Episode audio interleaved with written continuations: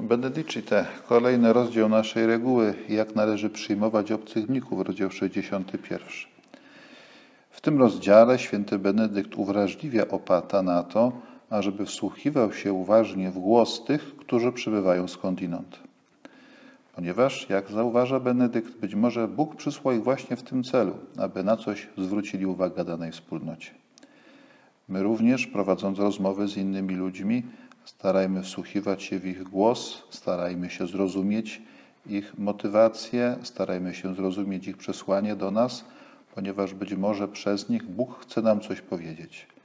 Ta wrażliwość i otwartość nie ma w sobie nic niewoli, ale właśnie jest pełnym otwarciem na Ducha Świętego, który przemawia do nas na różne sposoby. Prośmy zatem Pana Boga o tę taką uległość wobec Jego głosu, o to właściwe nastawienie serca, abyśmy byli w stanie rozpoznać Bożą wolę.